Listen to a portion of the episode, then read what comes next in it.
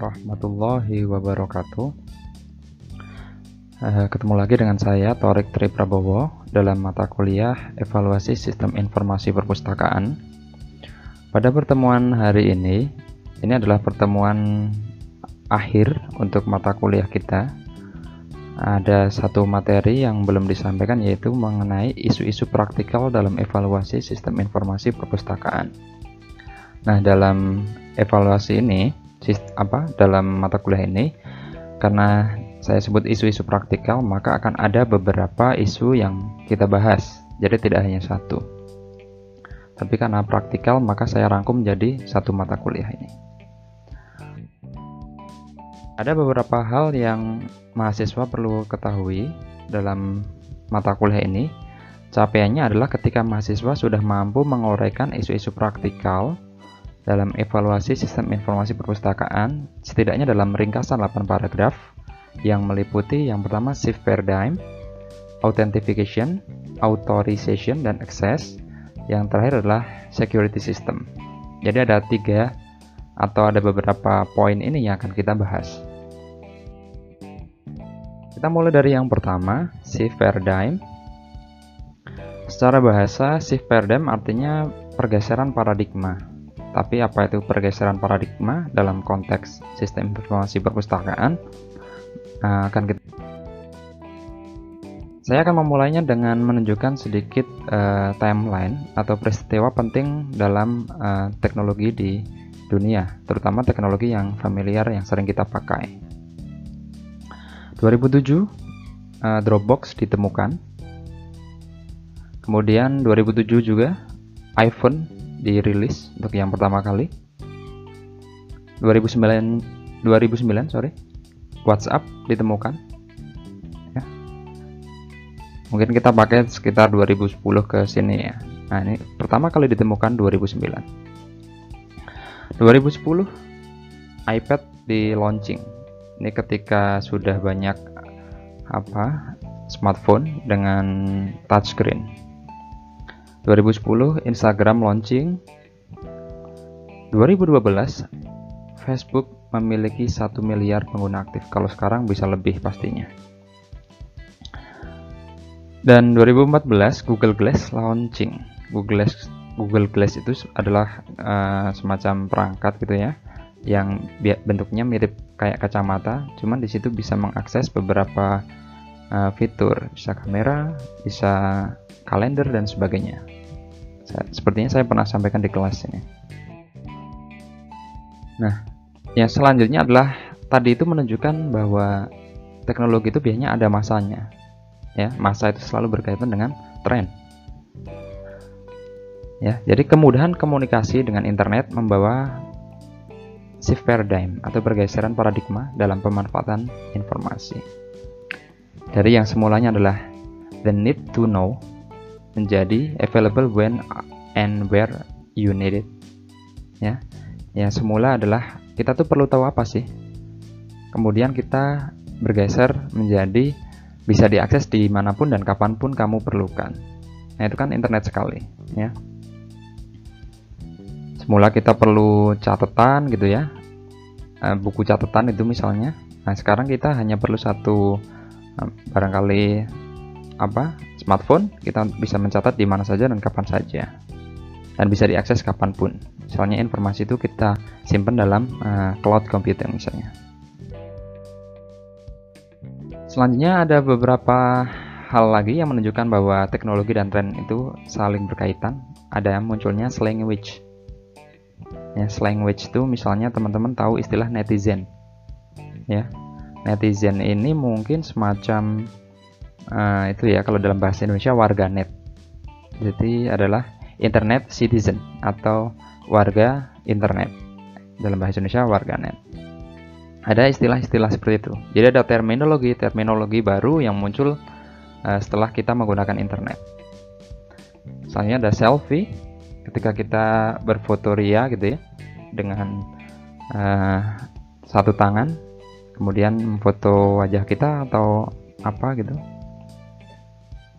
dengan tanpa meminta bantuan orang lain. Itu selfie. Ada wifi. Wifi bukan wifi. Bukan wife ya tapi wifi. Di foto bersama-sama. Macam-macam ada tagging ada LOL ya ketika ketawa dalam internet itu ya. Lot of love. Jadi ketawa ngakak gitu dalam bahasa language-nya LOL bahkan dalam berbagai negara kalau teman-teman bisa lihat di slide ini di slide ini teman-teman bisa melihat untuk mengetik tertawa dalam berbagai negara itu macam-macam ya. Coba dilihat di slide. Ada Chinese. Oh itu saya nggak bisa baca ya sayangnya. Ada Nigeria LWKMD macam-macam ya. Ini di Persia pakai huruf hijaiyah mungkin ya hahaha gitu ya dan sebagainya. Oke. Ya. Aplikasi komunikasi dan koneksi broadband yang makin pervasif jadi membentuk kayak bumi yang bulat itu yang terdiri dari belahan penjuru dunia itu sangat mudah kita jangkau komunikasi informasinya ya. Sangat mudah. Jadi kita bisa tahu informasi dari negara lain dengan sangat mudah. Melalui internet melalui YouTube misalnya ya bahkan kita bisa membagikan apa yang kita ingin bagikan gitu dengan sangat mudah dengan melalui internet. Misalnya kita unggah eh, suatu gambar, video atau rekaman suara gitu lalu kemudian kita share di Instagram, di Facebook, di Twitter dan media sosial yang lain. Sehingga ada semacam uh, istilah bahwa sekarang dunia itu kayak datar. Tidak lagi bulat, tidak lagi uh, susah untuk kita jangkau gitu negara lain. Oke, seperti itu. Jadi kita sangat mudah menghasilkan dan berbagi dan memanfaatkan konten-konten dan layanan digital. Nah, sehingga kemudian ada paradigma juga yang bergeser dari yang semulanya kabel sekarang itu sudah banyak nirkabel. Ya. Kita tidak mungkin ya menarik kabel misalnya kita pengen tahu informasi dari negara negara Amerika misalnya. Dari Indonesia sampai Amerika kita narik kabel kan susah sekali sehingga ada teknologi nirkabel yang namanya internet seperti yang kita akses sehari-hari ini. Ya. Pada tahun 2016, perangkat berkabel berjumlah 47% dari keseluruhan IP traffic. Artinya, ini mungkin kalau sekarang lebih ya. Jadi yang nirkabel atau yang tidak pakai kabel itu sudah lebih banyak, sekitar 53% tahun 2016. Ya, sekitar 50 pergeseran paradigmanya kemudian ketika kita sudah uh, bisa mengakses itu tadi banyak hal kita sudah banyak tahu kita sudah banyak dimudahkan dengan adanya teknologi kemudian ada semacam pergeseran paradigma ya. Zaman dulu ketika kita bilang mau copy mau memfotokopi gitu ya kita bayangannya adalah kertas yang kita gandakan melalui mesin uh, fotokopi. Dengan bentuknya nanti akan mirip dengan bentuk yang pertama. Tapi kalau sekarang bukan fotokopi yang seperti itu ya. Ketika kita punya file terus ada teman kita bilang mau copy artinya dia mau digital copy bukan mau memfotokopi ya tapi digital kopinya ya tinggal dikirim melalui aplikasi WhatsApp misalnya atau email atau Bluetooth barangkali kalau kalau masih ada. Atau share it. Itu artinya sudah mengcopy ya. File yang kita punya tidak berkurang kualitasnya. Yang dikirim yang diterima juga tidak berkirim berkurang kualitasnya. Ya kecuali melalui WhatsApp itu kan terkompres ya kalau gambar. Tapi dalam kasus yang lain artinya yang dikirim dan yang diterima itu sama-sama kualitasnya sama bagusnya. Itu namanya dari fotokopi ke digital copy yang selanjutnya adalah uh, dari kartu pos atau faksimil ke email ya. Email. Jadi surat elektronik dari surat konvensional ke surat elektronik.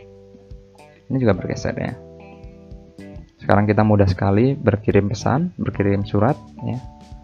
Meskipun ada aplikasi pengiriman pesan seperti WhatsApp, Telegram dan sebagainya. Itu aplikasi chatting ya yang sifatnya biasanya lebih ke respon yang cepat.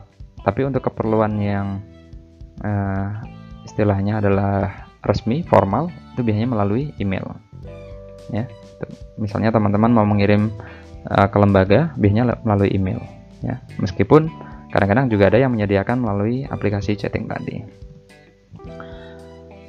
yang selanjutnya adalah standalone libraries to information network artinya dulu ada pepatah mengatakan bahwa kalau perpustakaan yang bagus adalah yang paling besar, paling lengkap, dia bisa berdiri sendiri tanpa bantuan orang lain. Tapi kalau sekarang uh, akan bergesernya itu seperti ini, uh, bukan seperti itu. Iya betul itu bagus, tapi ada yang lebih bagus adalah perpustakaan yang sudah koleksinya lengkap, tapi juga menjalin kerjasama informasi dengan uh, jaringan yang lain. Sebagai contoh, perpustakaan selengkap-lengkapnya pasti ada hal yang tidak bisa dimiliki. Ya. Misalnya saya datang ke suatu perpustakaan dan saya mencari koleksi yang saya cari kemudian tidak ada. Nah, perpustakaan tadi harusnya dia bisa memberikan solusi misalnya dengan uh, coba buka di website ini atau coba ke sini. Karena dia punya jaringan itu. Nah, itu adalah paradigma yang sekarang. Selanjutnya adalah uh, relibrary to virtual library. Jadi perpustakaan nyata ke perpustakaan virtual. Seperti yang kita ketahui sekarang ini, nah sekarang kita sedang menghadapi uh, pandemi COVID ya. Kita dipaksa suka tidak suka, mau tidak mau, aktivitas yang semulanya fisik kita bisa bertatap muka, saat ini kita dipaksa untuk uh, melakukannya secara daring atau online, ya? Mulai dari uh, kelas online, belajar online.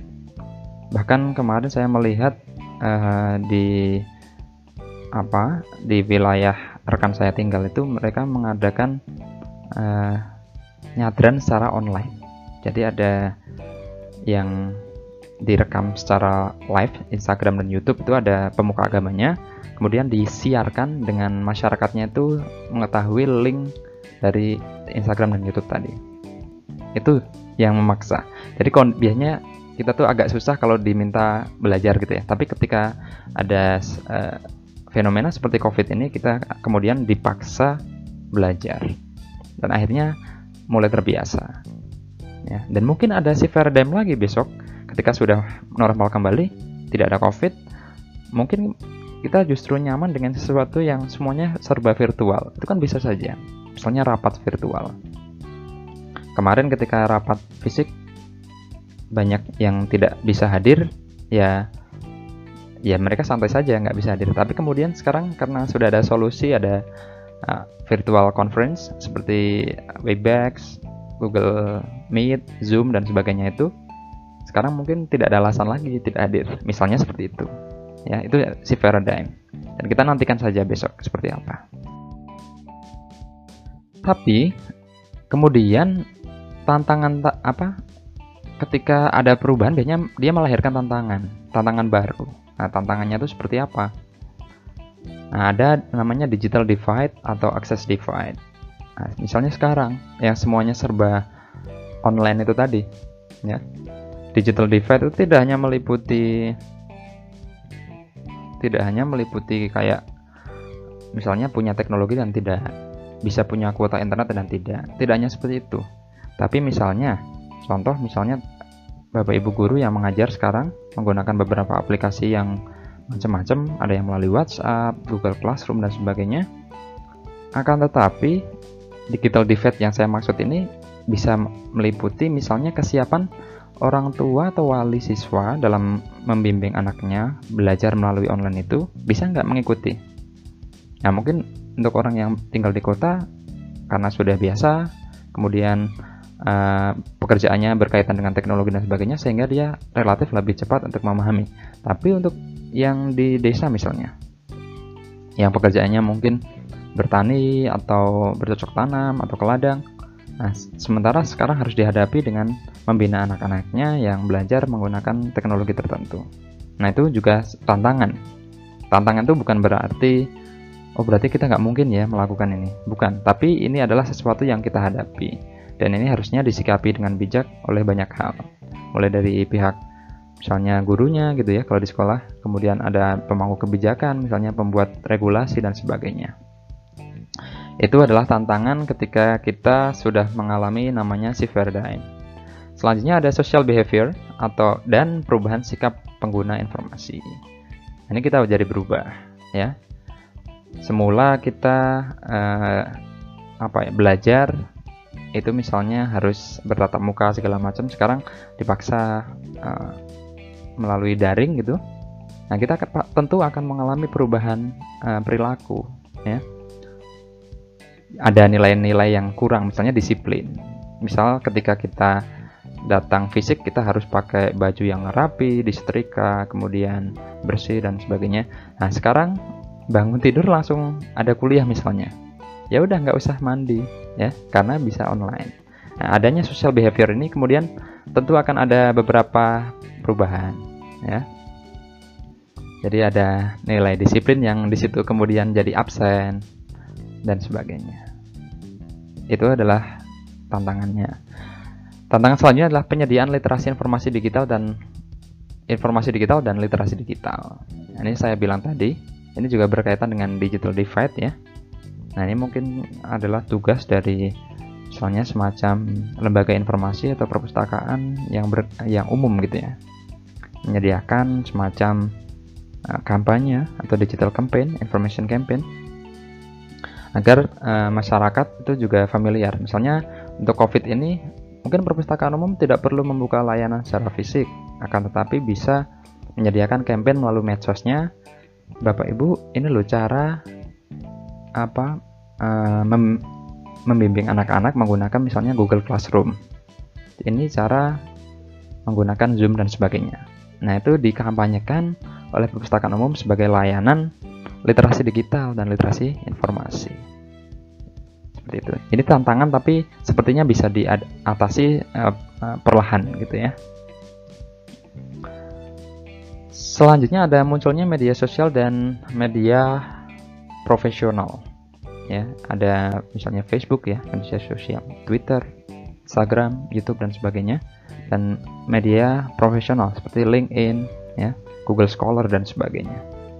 Ini menjadi tantangan karena tidak semua orang memahami uh, kegunaannya itu ya. Jadi yang media profesional malah untuk entertain media sosial malah uh, apa digunakan malah secara sembrono misalnya dengan menyebarkan hoax tidak sharing sebelum sharing dan sebagainya. Itu dia uh, tantangannya. Jadi tantangan hoax post truth dan sebagainya itu muncul di sini. Uh, ini ya apa? Misalnya teman-teman sekarang punya email. Nah email itu kan sebagian dari akun akun email ya. Teman-teman juga punya akun bank teman-teman punya akun yang lain. Nah akun ini uh, harus hati-hati kita gunakan ya. Jadi jangan sembrono, jangan jangan abai gitu ya terkait keselamatan akun-akun kita ini karena di era sekarang ini dengan email saja seseorang bisa hancur hidupnya. Sebagai contoh misalnya gini. Email dan password media sosial teman-teman bisa tertinggal di warnet misalnya. Lupa log logout misalnya. Nah, ada orang iseng yang kemudian memanfaatkan media sosial teman-teman untuk misalnya menyebarkan foto tidak senonoh, kemudian e, melakukan penipuan dan sebagainya. Nah, melalui email dan password yang sederhana itu saja bisa bisa mengakibatkan fatal. Ya, itulah kenapa ada mata kuliah ini, ada subbab ini. Ada pentingnya menjaga authentication, authorization dan akses. Ya. Jadi itu dia benefitnya ketika sudah mengikuti yang subbab ini. Dari berhati-hati ketika kita menjaga akun. Ya, yang pertama melindungi kewibawaan. Ya. Artinya uh, biasanya di media sosial teman-teman itu akan merepresentasikan perilaku teman-teman di dunia yang nyata gitu ya. Jadi media sosial itu merepresentasikan perilaku teman-teman di dunia yang nyata. Artinya ada persona yang ingin disampaikan itu ya kayak di dunia nyata. Sebagai contoh, di dunia nyata teman-teman adalah orang yang misalnya di kampung terhormat, punya kedudukan dan sebagainya. Biasanya di media sosial juga yang ingin disampaikan juga seperti itu. Artinya ketika kita bisa berhati-hati, kita bisa melindungi persona atau citra kita itu. Ya. Ini dalam konteks media sosial digunakan sebagai representasi eh, teman-teman di dunia nyata. Selanjutnya, melindungi kemisteriusan. Artinya kadang-kadang seseorang itu ada ranah privat yang tidak ingin diketahui siapa pun kecuali dirinya. Ya. Kalau kita bisa berhati-hati, uh, hal itu bisa tetap kita jaga. Memperoleh efek baik serta terlepas dari efek buruk. Ini artinya semacam uh, misalnya kita bisa menjaga media sosial kita itu kita terhindar dari yang namanya efek buruk ya. Kalau misalnya kita eh, hanya share apa yang kita perlukan saja yang sifatnya positif dan sebagainya gitu ya tanpa uh, share uh, sesuatu yang misalnya kurang bermanfaat itu kita akan terlepas dari yang namanya efek buruk. Dan otomatis akan mendapatkan efek baik. Ya, oh orang ini uh, terkenal ya karena dia sering sharing sesuatu yang bermanfaat misalnya. Yang positif yang memberikan optimisme gitu ya. Misalnya seperti itu. Yang selanjutnya tidak tampak bukanlah uh, bermakna tidak ada. Sebagai contoh misalnya ada isu yang sedang ramai nih misalnya. Dan dan isunya masih simpang siur yang ramai kemarin misalnya hashtag Kim Jong Un death misalnya ya, atau Kim Jong Un meninggal. Nah, misalnya kita tidak tahu kebenarannya gitu ya. Kita tidak tahu kebenarannya. Jangan mentang-mentang ada isu kayak gitu kita langsung lantas pengen eksis dengan pasang hashtag serupa tan tapi tanpa tahu konteks tanpa tahu informasi yang real. Nah dalam konteks yang yang lain kita bisa berbahaya.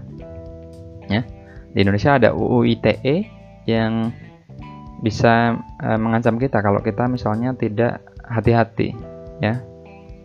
Jadi misalnya kita sharing sesuatu yang niatnya itu untuk bercanda tapi bisa berujung ke jeruji besi karena ada beberapa norma atau aturan yang dilanggar. Ya, jadi tidak eksis itu tidak tidak bermakna Anda itu tidak ada ya. Tapi mungkin oh Anda tidak tertarik dengan isu itu. Kemudian yang selanjutnya oh Anda tidak menguasai dalam isu itu. Nah, itu lebih baik memang diam ya. Ketika di media sosial memang seperti itu. Nah, yang selanjutnya ada berkaitan dengan personality atau personalitas. Apa yang ditampilkan dalam media sosial adalah representasi dari kehidupan Anda. Itu yang saya bilang tadi. Ya. Jadi bi biasanya mencerminkan hobi, kesukaan, ketertarikan dan sebagainya. Itulah kenapa di Facebook kita akan ditanya, misalnya Anda itu suka hobinya apa? Ya. Anda itu musik yang disukai apa? Film yang disukai apa? Ya. Channel-channel atau kanal-kanal yang disukai apa? Kan ditanya seperti itu. Sehingga kemudian ini biasanya dianalisis oleh platform media sosial sehingga ketika ada yang mirip atau ada yang serupa akan direkomendasikan ke kita.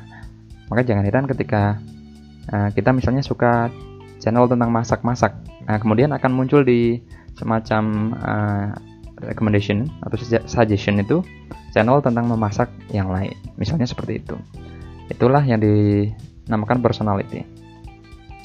Kemudian berhati-hatilah dan gunakan itu sebagai power ya, jangan terjebak. Personalitas Anda itu adalah uh, apa ya, sesuatu yang berharga. Jadi jangan diobral ya. Ketika Anda sudah mengobral, Anda maka akan uh, istilahnya itu wibawanya hilang ya. Seperti itu. Selanjutnya saya akan menjelaskan tentang privacy atau himbauan untuk agar terhindar dari doxing. Apa itu doxing? Nanti akan saya sampaikan. Doxing itu adalah ketika informasi Anda, informasi pribadi seperti alamat, nomor telepon, tempat kerja, bahkan rincian perbankan dan sebagainya terkait uh, anggota keluarga misalnya dipublikasikan secara daring, secara online dengan maksud agar orang-orang dapat menggunakannya. Nah, ini kan bahaya, ya. Misal kita sering posting uh, informasi tentang keluarga kita, anak kita, orang tua kita. Di situ misalnya kita jelaskan secara rinci, ini anak saya yang kelas 6 SD berangkat sekolah sendiri, sekolahnya adalah SD ini, kemudian bla bla bla. Nah ini kalau ada orang yang berniat buruk ya, kan berbahaya sekali dengan memanfaatkan informasi itu. Ya, jadi hati-hati ketika sharing sesuatu yang sifatnya itu uh, personal, privat atau pribadi ya. karena itu bisa niatnya sih lucu-lucuan gitu misalnya. Tapi untuk konteks yang lebih luas itu bisa berbahaya. Ya karena ada istilah namanya doxing ya. Bahkan ketika kita misalnya terlalu vulgar gitu ya merincikan misalnya tanggal lahir dan sebagainya di medsos itu bisa digunakan oleh para hacker, para cracker untuk misalnya menebak uh, password akun bank kita, akun medsos kita dan sebagainya. Itu bahaya sekali. Jadi sebisa mungkin uh, hindari yang seperti itu, ya. Misalnya nama mungkin ya, misalnya di medsos bisa juga kalau misalnya tidak nyaman menggunakan nama asli bisa disingkat saja, bukan dengan nama palsu ya, bukan fake account, tapi misalnya namanya Tono Surtono Murtono. Nah, bisa dipakai Tono langsung Murtono tanpa Surtono, misalnya seperti itu. Kemudian ini ya, ya saya contohkan ada Facebook misalnya ada biografi ya. Anda tuliskan selengkap-lengkapnya, bahkan nomor KTP dan sebagainya. Nah, itu ada adalah memberikan peluang untuk orang yang tidak bertanggung jawab melakukan doxing.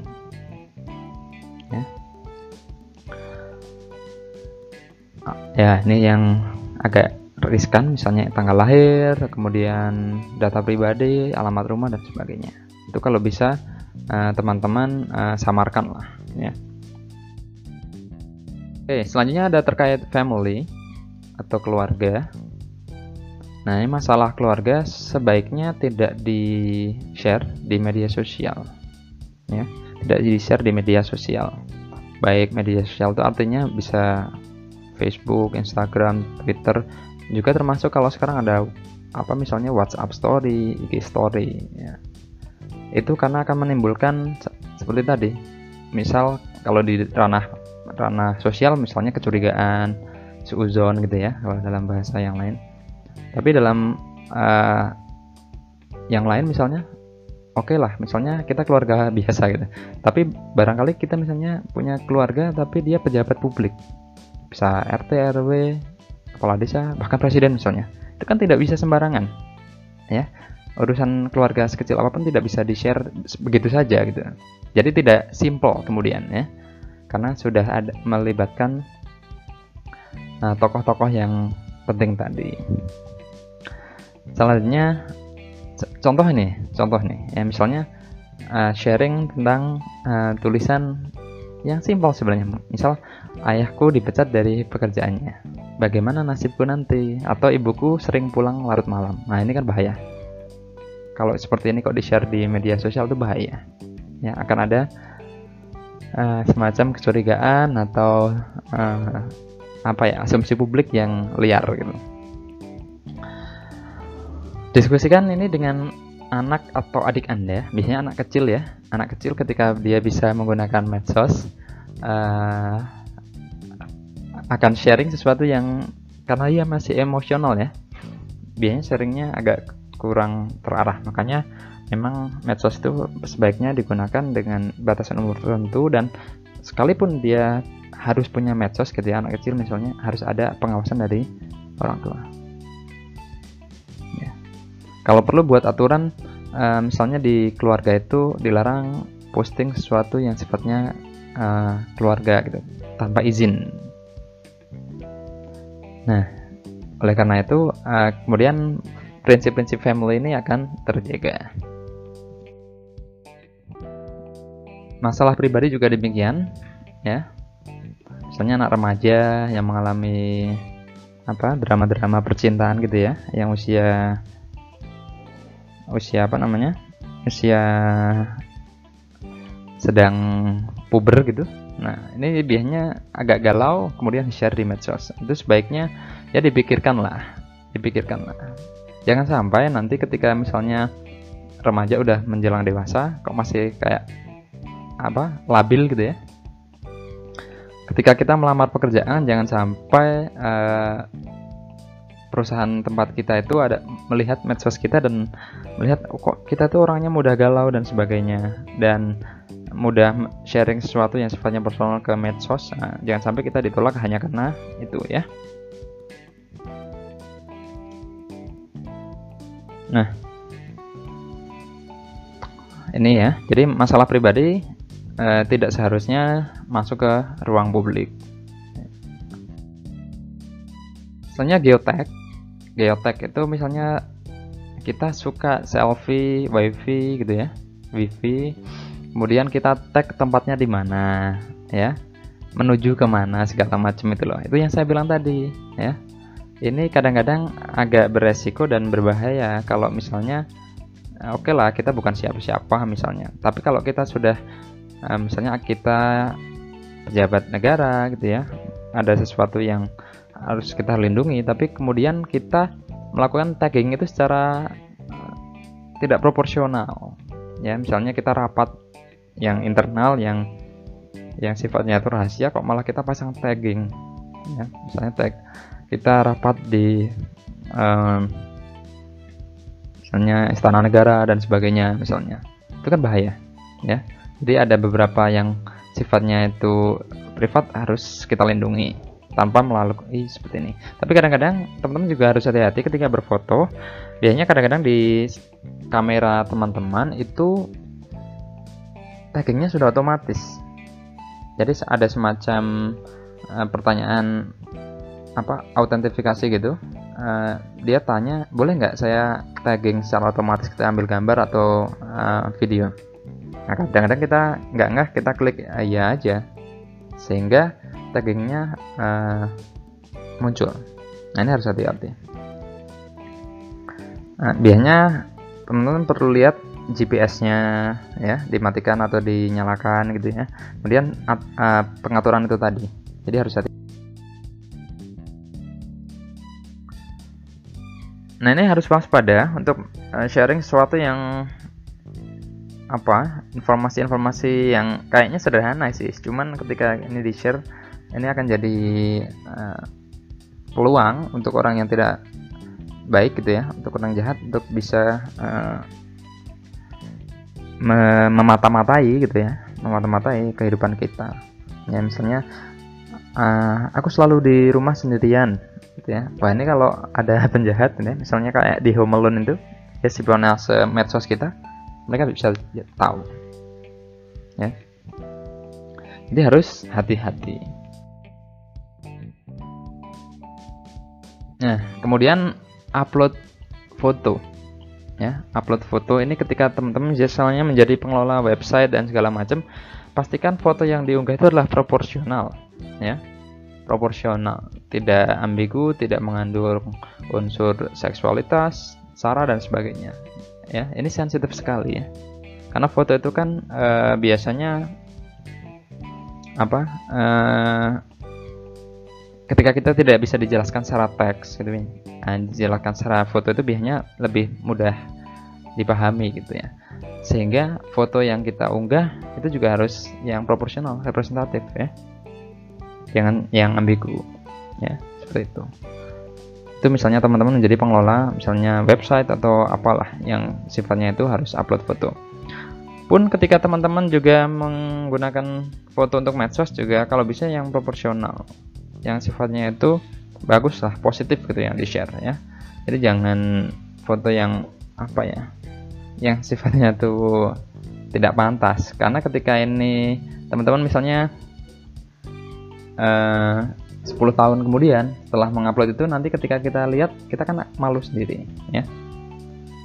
Misal kita jadi uh, tokoh penting gitu ya ketika kita dilacak jejak digitalnya karena jejak digital itu tidak pernah bohong dan lebih kejam daripada uh, ibu tiri gitu ya kalau kata uh, pepatah itu. Seperti itu ya. Jadi hati-hati.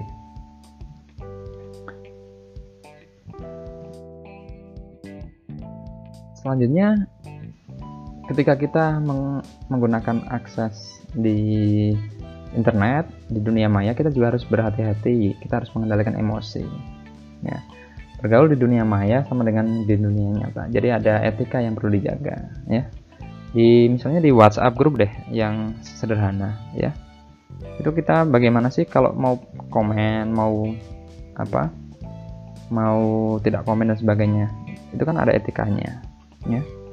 Soalnya kita tidak mau ikut campur dengan isu yang ada di situ. Kemudian kita mau live group kan juga ada etikanya. Misalnya mohon maaf uh, saya merasa tidak cocok dengan bahasa ini saya izin keluar grup misalnya. Atau mohon maaf uh, sepertinya saya tidak tepat di grup ini kemudian saya mau resign di grup ini. Misalnya seperti itu ya.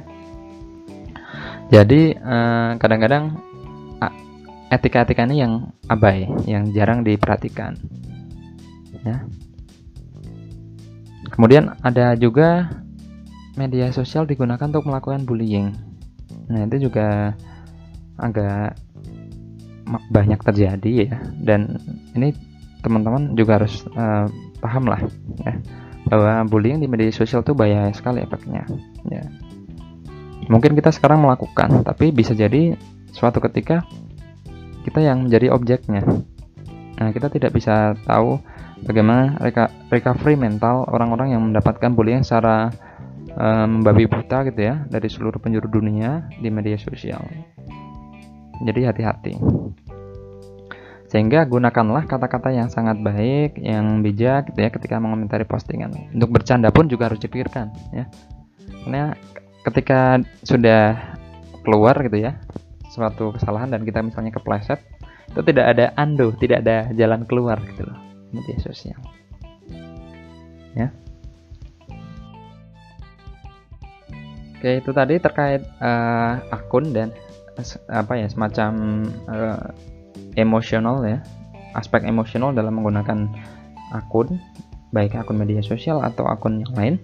Soalnya ini saya adalah ingin menjelaskan terkait uh, namanya password atau kata sandi. Ini ada manajemennya ada beberapa tips ketika menggunakan kata sandi. Uh, yang pertama adalah jangan pernah menggunakan nama dan tanggal lahir atau nama tahun lahir. Misalnya Tono 1991. Nah, itu mudah sekali ditebak, ya. Kalaupun mau pakai itu, karena itu yang paling mudah diingat, gunakan uh, kombinasi huruf dan angka atau juga simbol. Ya. Misalnya Tono T, kemudian O-nya pakai huruf 0, N pakai 0 lagi dan sebagainya. Seperti itu ya itu akan lebih uh, aman. Tapi kalau kita lempeng-lempeng saja nama kemudian tahun lahir atau tanggal lahir itu akan mudah sekali ditebak. Dan itu mungkin sandi yang pertama digunakan hacker untuk menebak kita gitu. Kalau kita pakai itu ya udah apes kita ya. Pastikan sulit ditebak tapi mudah diingat ya. Jangan kebalikan jangan sulit diingat, mudah ditebak. Jangan seperti itu ya. Jadi sulit ditebak tapi mudah diingat.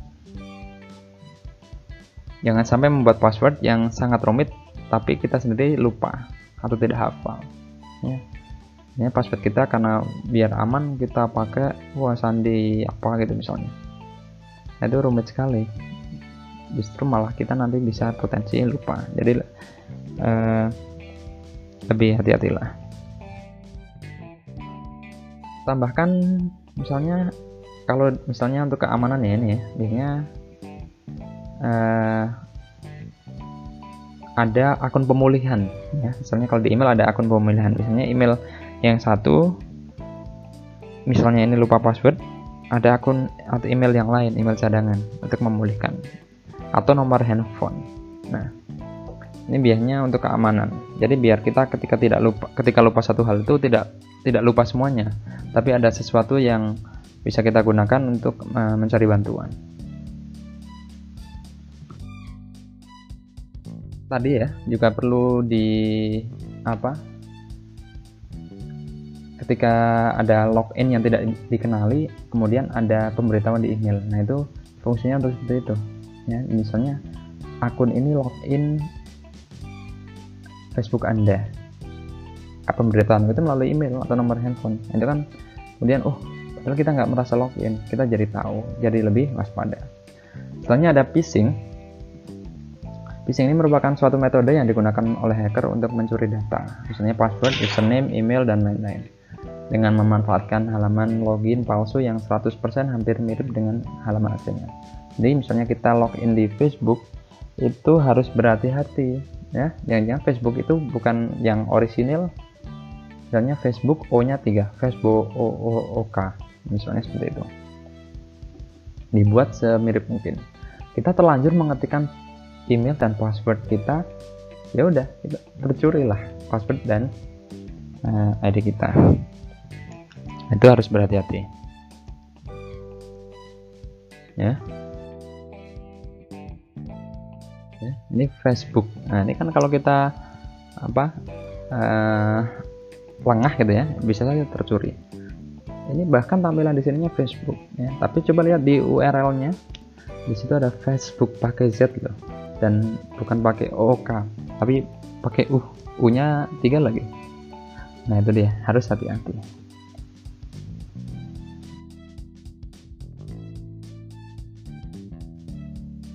Nah ini dia uh, ini semacam survei-survei ya di media sosial ya, isu-isu seperti ini.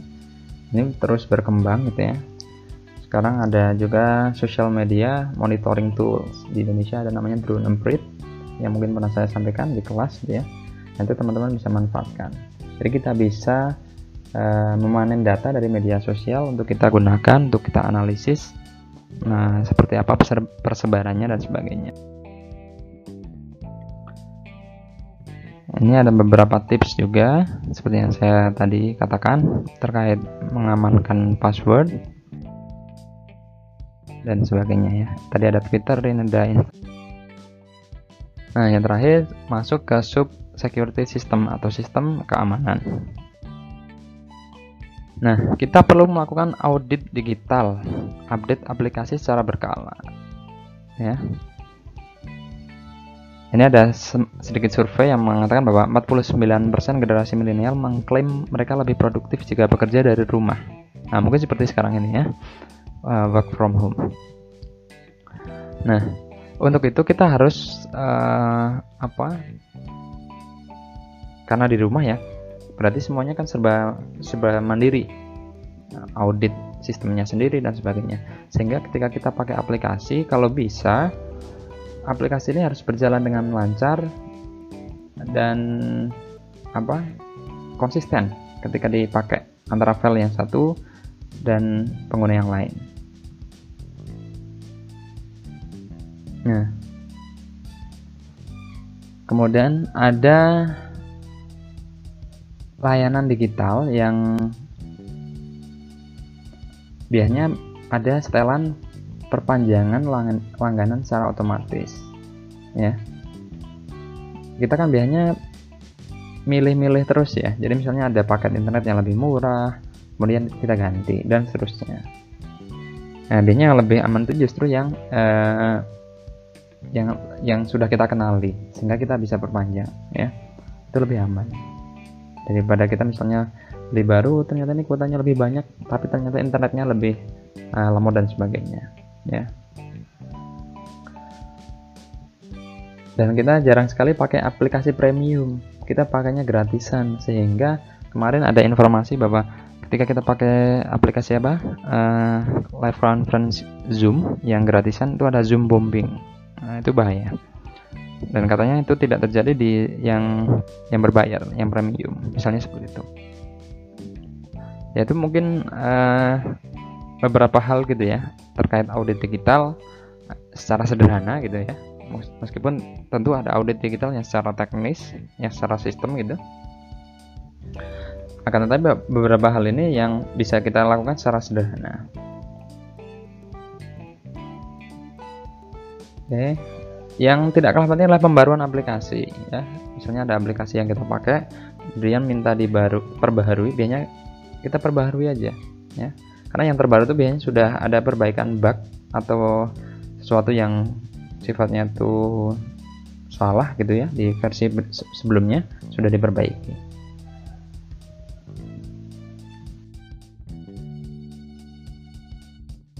Nah, kalau perlu gunakan manajemen password ya. Gunakan alat manajemen password. Tapi ini juga harus hati-hati ketika manajemen passwordnya itu adalah uh, online atau daring ya itu bisa saja passwordnya bocor bahaya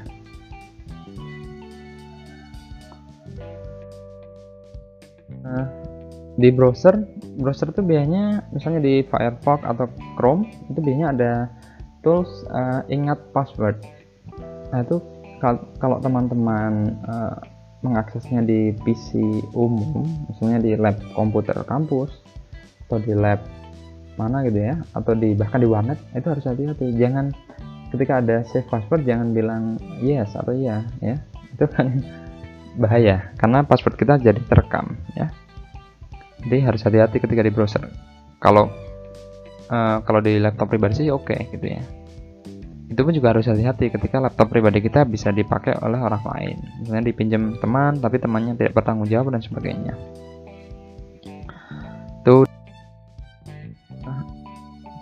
yang lebih aman lagi kita bisa gunakan uh, fasilitas cloud untuk pengiriman. Jadi minimalkan kontak fisik menggunakan USB uh, eh, misalnya bertukar datanya ya dengan USB kita bisa pakai cloud. Di sharing melalui uh, nirkabel itu lebih aman.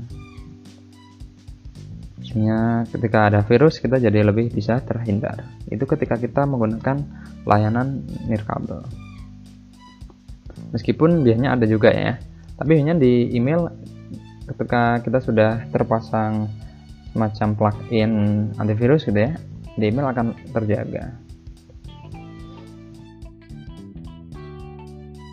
Ini yang juga penting yaitu adalah literasi teknologi atau literasi digital untuk menggunanya untuk menangkal digital divide yang saya bilang tadi itu.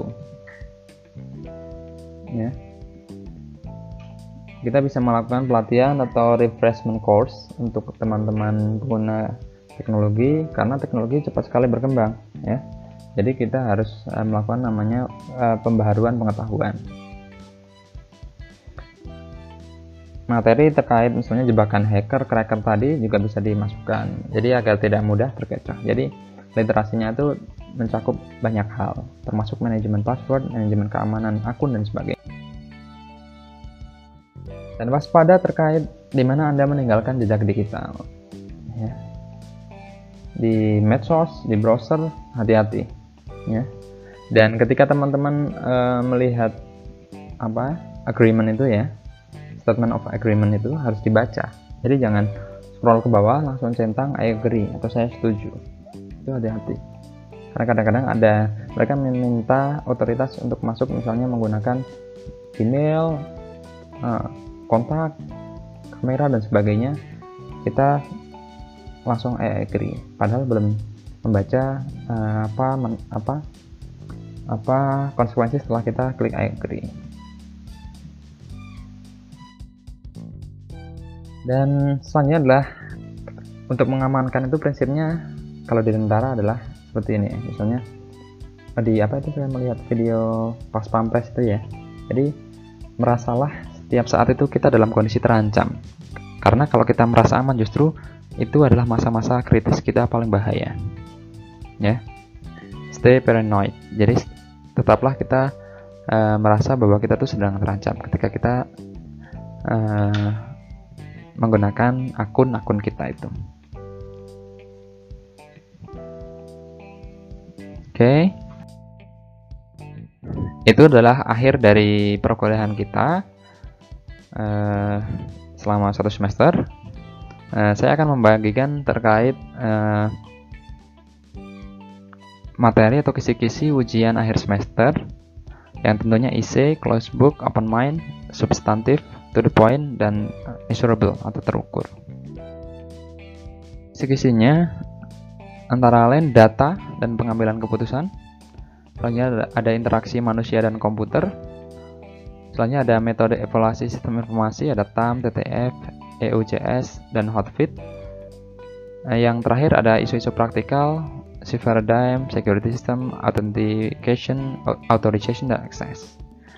Ya, jadi sampai dari mid semester sampai dengan pertemuan kita saat ini itu yang akan menjadi uh, kisi-kisi uas kita saya kira seperti itu untuk kuliah kita hari ini. Uh, terima kasih atas perhatiannya. Mohon maaf apabila selama satu semester ini banyak kesalahan. Uh, semoga teman-teman sukses mengikuti ujiannya. Uh, semoga mendapatkan nilai yang maksimal. Wassalamualaikum warahmatullahi wabarakatuh